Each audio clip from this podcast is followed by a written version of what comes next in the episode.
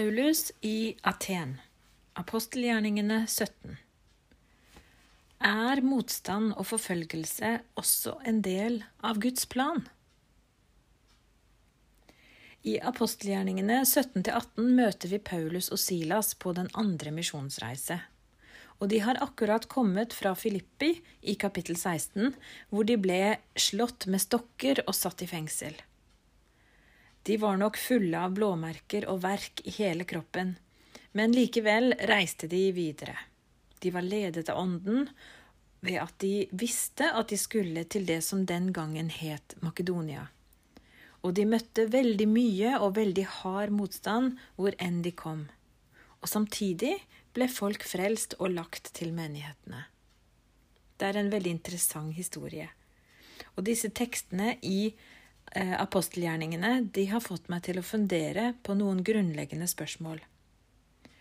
Ledes vi primært av omstendigheter, eller ledes vi av Ånden? Har Gud faktisk forberedt en vei for hver og en av oss? Er all motstand av det onde, eller kan motstand også være en velsignelse, og kanskje også en del av Guds plan? For vi er Hans verk, skapt i Kristus Jesus til gode gjerninger, som Gud på forhånd har lagt ferdige for at vi skulle vandre i dem. Dette skrev Paulus senere til menigheten i Efesus, og jeg kan ikke annet enn å tro at han snakket av erfaring. Og noe av den erfaringen finner vi kanskje her, i kapittel 17 i Apostlenes gjerninger. Paulus, Silas og Timoteus kommer til byen Tessalonika. Og de går inn i synagogen som vanlig og har samtaler med jødene. Paulus underviser dem om at Jesus er Messias ut fra skriftene i Gamle testamentet. Og noen av jødene de blir overbevist og begynner å, følge veien, dvs. det vil si, de blir frelst. Men noen av jødene de ble i stedet sjalu, og de ble nidkjære for det de selv trodde på. Eh, de ønsket å skade Paulus og Silas og Timoteus. Så de går ut og får med seg noen onde skurker som henger på torget. Og så satte de i gang et opprør mot Paulus og Silas for å stoppe dem. Men heldigvis så klarer Paulus og Silas å, å rømme fra byen den natten, og de blir heldigvis ikke drept eller satt i fengsel igjen. De drar da videre til byen Berua, som er et godt stykke fra Tessalonika. Og der følger de samme oppskrift og går inn til synagogen og forkynner at Jesus er Messias ut fra skriftene. Og igjen er det mange av jødene som lar seg overbevise når de gransker skriftene sammen med dem. Men etter hvert får jødene i Tessalonika høre hva Paulus driver med i Berøa. Og da reiser de også dit, og igjen lager de opprør i byen og hisser opp folk mot Paulus. Det blir så farlig at de kristne blir redd for Paulus sitt liv, og de bestemmer seg for å sende han av sted for å redde han mens Silas og Timoteus de blir igjen i Berøa for å fortsette arbeidet de har begynt på der. Noen av disse kristne brødrene følger Paulus hele veien til Aten. Og så drar de tilbake til Berøa med løfte om at Silas og Timoteus skal komme etter veldig snart. Så her kan vi se for oss Paulus. Han er altså alene i Aten. Han har møtt mye motstand. Han er gul og blå etter eh, mange stokkeslag fortsatt. Han har vært fengslet. Folk er sinte på han og vil drepe han.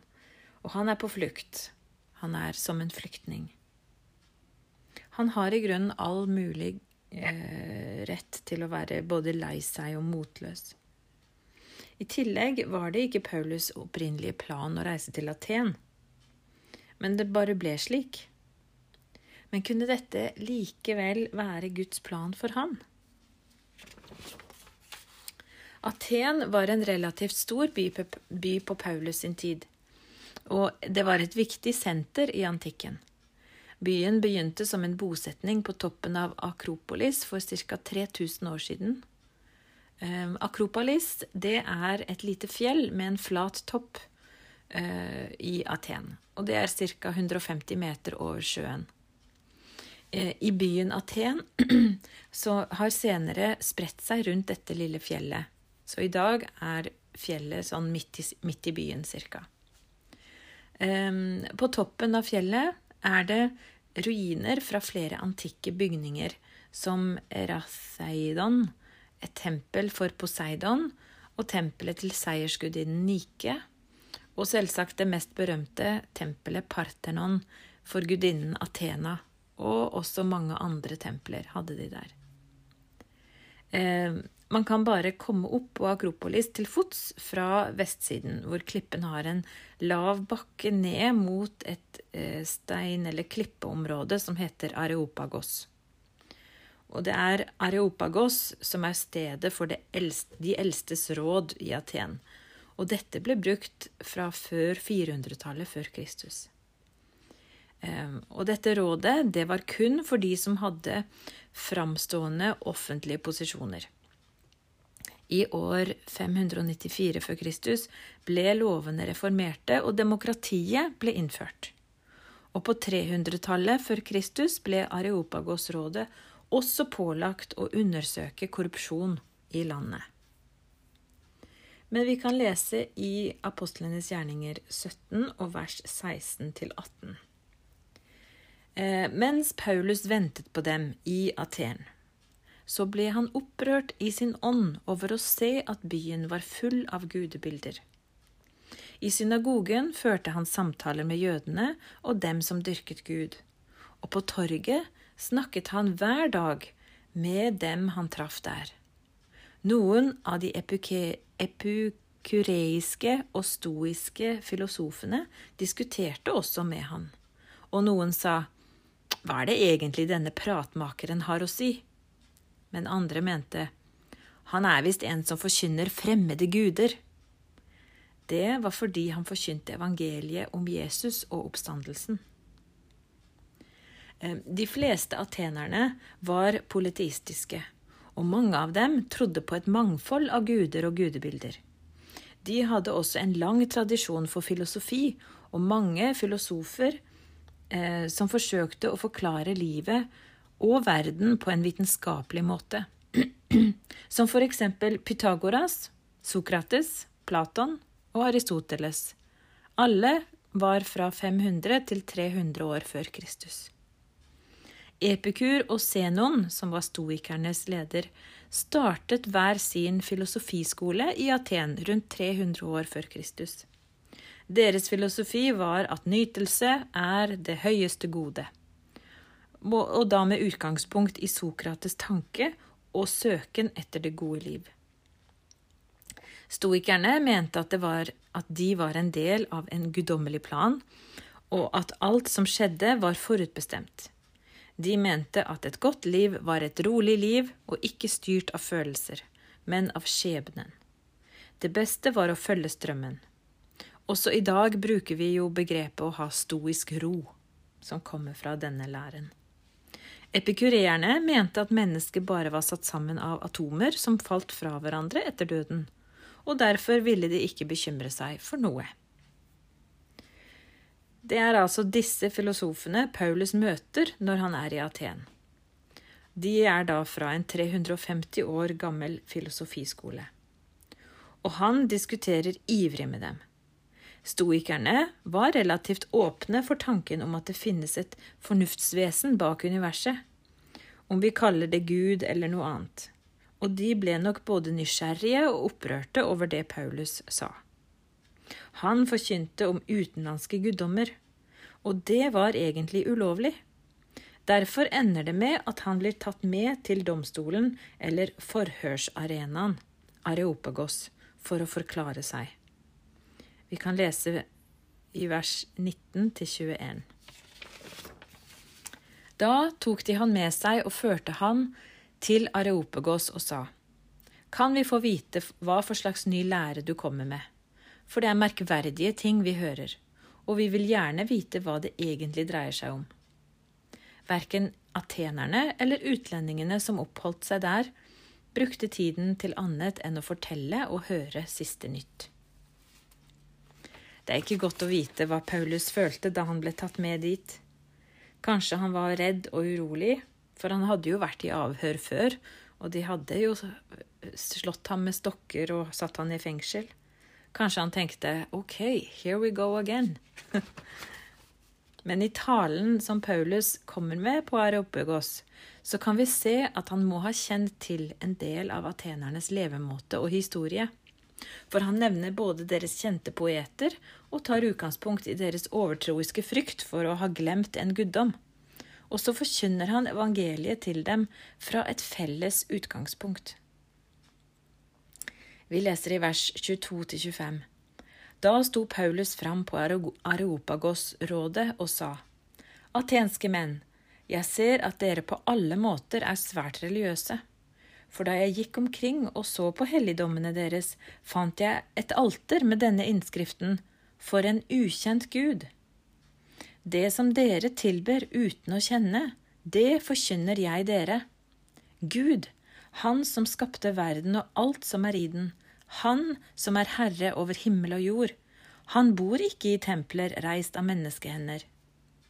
Han trenger heller ikke noe av det som menneskehender kan tjene han med. Det er jo han som gir liv og ånde, ja, alt til alle.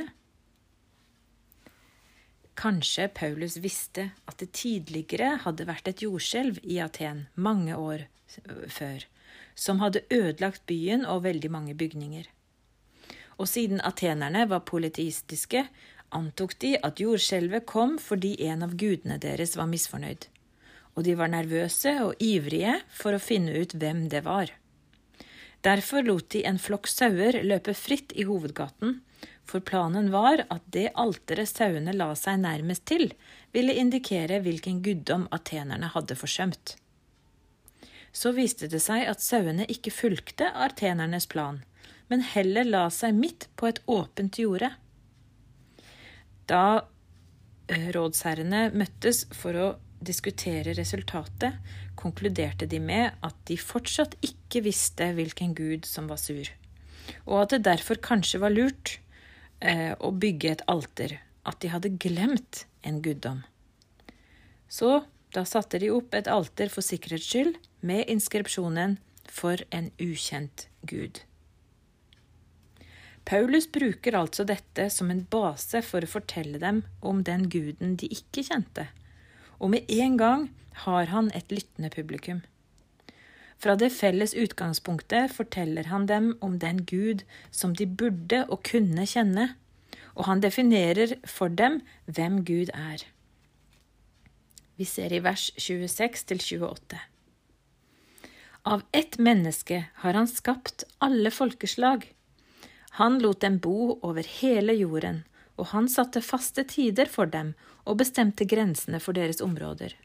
Dette gjorde han for at de skulle søke Gud, om de kanskje kunne lete seg fram og finne Han. Han er jo ikke langt borte fra en eneste en av oss. For det er i ham vi lever, beveger oss og er til. Som også noen av deres diktere har sagt, for vi er hans slekt. Fordi vi altså er Guds slekt, må vi ikke tenke at guddommen et, ligner et bilde av gull eller sølv eller stein, formet av menneskers kunst eller tanke. Paulus forteller at Gud er suveren på måten han har kontroll, og måten han har kontroll på, er ved å være nær. Tenk på det. At han som har kontroll over alt det vi ikke har kontroll over, noe som lidelse og motstand faktisk minner oss så sterkt på. Og Paulus selv er smertelig eh, klar over og har erfart. Denne guden Paulus kjenner, han har kontroll på en slik måte at vi til enhver tid, midt i vårt behov, midt i vår smerte, nederlag, tvil og mismot, kan vi strekke ut en hånd og berøre han. For han er ikke langt borte fra en eneste en av oss. Det er en vakker sannhet.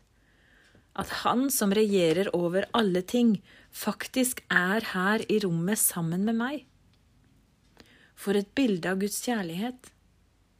Selv hans suverenitet er utøvd på en slik måte at det demonstrerer hvor mye han elsker oss.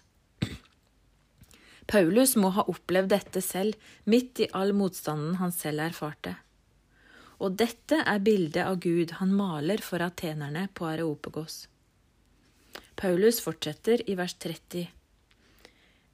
Disse tidene med uvitenhet har Gud båret over med, men nå befaler han alle mennesker, hvor de enn er, at de må vende om. For han har fastsatt en dag da han skal dømme verden med rettferd, ved en mann han har utpekt til dette. Det har han bekreftet for alle mennesker ved å reise han opp fra de døde. Da de hørte om oppstandelse fra de døde, gjorde noen narr av ham, men andre sa, Vi vil gjerne høre deg tale mer om dette en annen gang. Så gikk Paulus fra dem. Men det var noen som sluttet seg til han og kom til tro. Blant dem var Dionysus, fra Areopagos-området og en kvinne som het Damaris, og noen andre.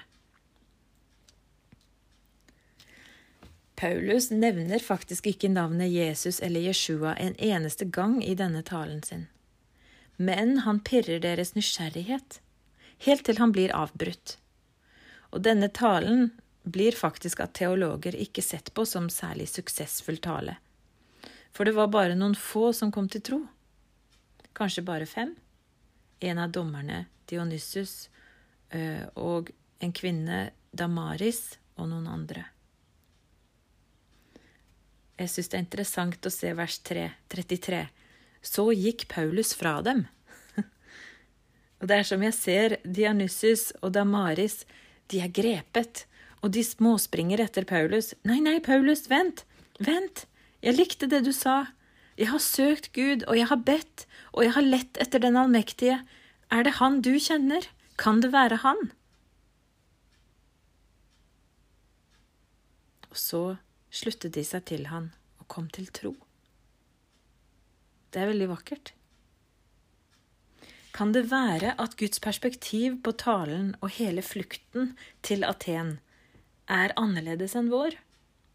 Kanskje den voldsomme motstanden i Tessalonika og Berøa og hele reisen til Aten egentlig var Guds plan og styrelse, for at nettopp Dionysus og Damaris og de andre skulle få høre evangeliet og komme til tro. Paulus måtte gå gjennom mye og hard motstand for at Guds kjærlighet kunne nå nettopp disse. Kanskje Gud hadde sett hjertene deres at de var forberedt, at Gud hørte deres bønner, deres søken og lengsel etter Han. Paulus var Guds svar, et villig og ivrig redskap, ledet og drevet av Ånden, steg for steg, for så å få innpass og få møte Dionysus og Damaris der de var, og tilby dem frelsen i Jesus Kristus. Hvorfor er vi alltid så opptatt av antall for suksess? Når Gud helt tydelig er opptatt av menneskers hjerter og å møte den enkelte. Guds perspektiv er vanligvis ikke det samme som vårt perspektiv på situasjonen. Jeg tenker at derfor er ikke nødvendigvis all motstand av det onde. Noen ganger kan det være som må, det som må til for at Gud skal få komme til i livene våre, eller at du finner deg selv og ditt kall og Guds vei, og at du plutselig befinner deg på rømmen i Aten, som Paulus. Noen ganger er kanskje motstand den eneste måten å få oss dit vi skal være, dit Gud vil vi skal være. Og noen ganger kan vi være så fokusert på hva vi selv vil, planlegger og ønsker og drømmer om, at vi faktisk går glipp av det Gud faktisk gjør. Paulus, han gikk til jødene først. Selv om det var hos dem han møtte mest motstand, for så å henvende seg til hedningene.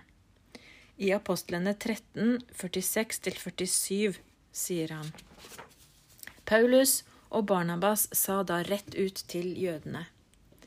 Det var nødvendig å forkynne Guds ord til dere først. Men siden dere avviser det, og selv ikke finner dere verdige til det evige livet, så går vi nå til hedningene. For dette er Herrens befaling til oss. Jeg har satt deg til et lys for folkeslag, for at du skal bringe frelse helt til jordens ende.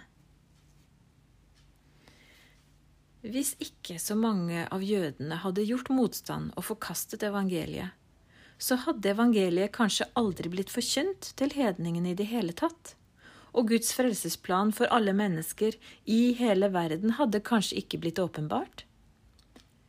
Guds planer og perspektiv er som oftest høyere og større enn vår forståelse av situasjonen vi er i. Utfordringen vår er å stole på Gud og bli ledet av Ham der vi er. Å finne sitt gudgitte kall er ikke nødvendigvis enkelt, og det kan ta tid. For Guds kall for våre liv er ikke nødvendigvis de store overskriftene. Det mest vanlige er at vi lever helt normale liv som du og jeg har, der vi er, i vår hverdag, og så inviterer vi Gud inn og Den hellige ånd til å lede oss i de små tingene hver dag i de små møtene med menneskene vi har rundt oss.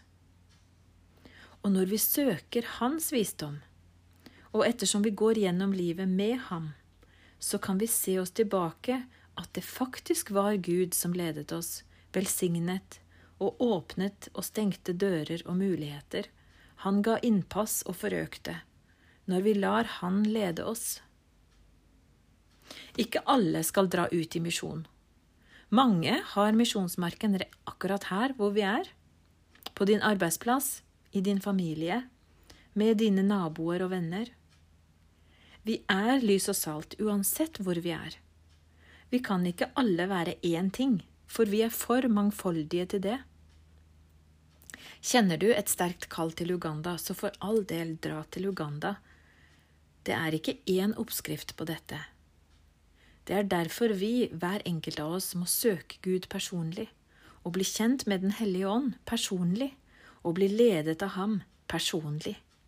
Først i små skritt, så i større skritt og veivalg og livsvalg.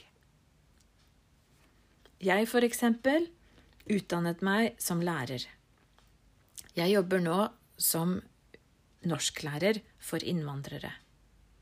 Men det var ikke norsk grammatikk jeg var interessert i da jeg gikk på skolen. Og så gikk jeg lærerutdanning i fem år. Og så jobbet jeg i tre år inntil jeg møtte veggen. Og jeg opplevde stor motstand og vanskeligheter i løpet av de tre årene. Etter de tre årene i arbeid følte jeg meg som en fiasko. Jeg flyttet hjem igjen, var voksen og flyttet hjem igjen til mine foreldre. Jeg følte meg utrolig dum en fiasko. Jeg måtte gjøre en total reorientering. Jeg begynte på andre utdanninger. Jeg, begynner, begynte etter hvert også i ny jobb, men jeg møtte motstand i ledelsen der også. Så ber jeg Gud om favør, og jeg ber om, om at Han må lede meg. Og jeg kommer da etter hvert inn i en skole for innvandrere og jeg kjenner veldig glede ved det. Og, får veldig omsorg for elevene. Eh, og selv om ledelsen i flere år var veldig vanskelige, så var alltid gleden med å være hos elevene, det var det som holdt det gående. Og veldig kjekke kollegaer. Så det var som at misjonsmarken, den kom til meg. Jeg trengte ikke å reise til dem, for de kom de kom til meg eh, og begynte på skolen der jeg jobbet. Det var ikke min plan. Det var langt fra min plan. Da jeg ble lærer, tenkte jeg at jeg skulle bli lærer for misjonærbarn. Men eh, det skjedde jo ikke. Men kanskje dette var Guds plan hele tiden? Hvis vi vil lære å kjenne Gud og bli ledet av Den hellige ånd, så må vi søke Han, invitere Gud til å tale til oss, og ta oss tid til å bli stille og lytte til Hans stemme. Vi så i teksten at Paulus han ble opprørt i sin ånd da han gikk rundt i Aten.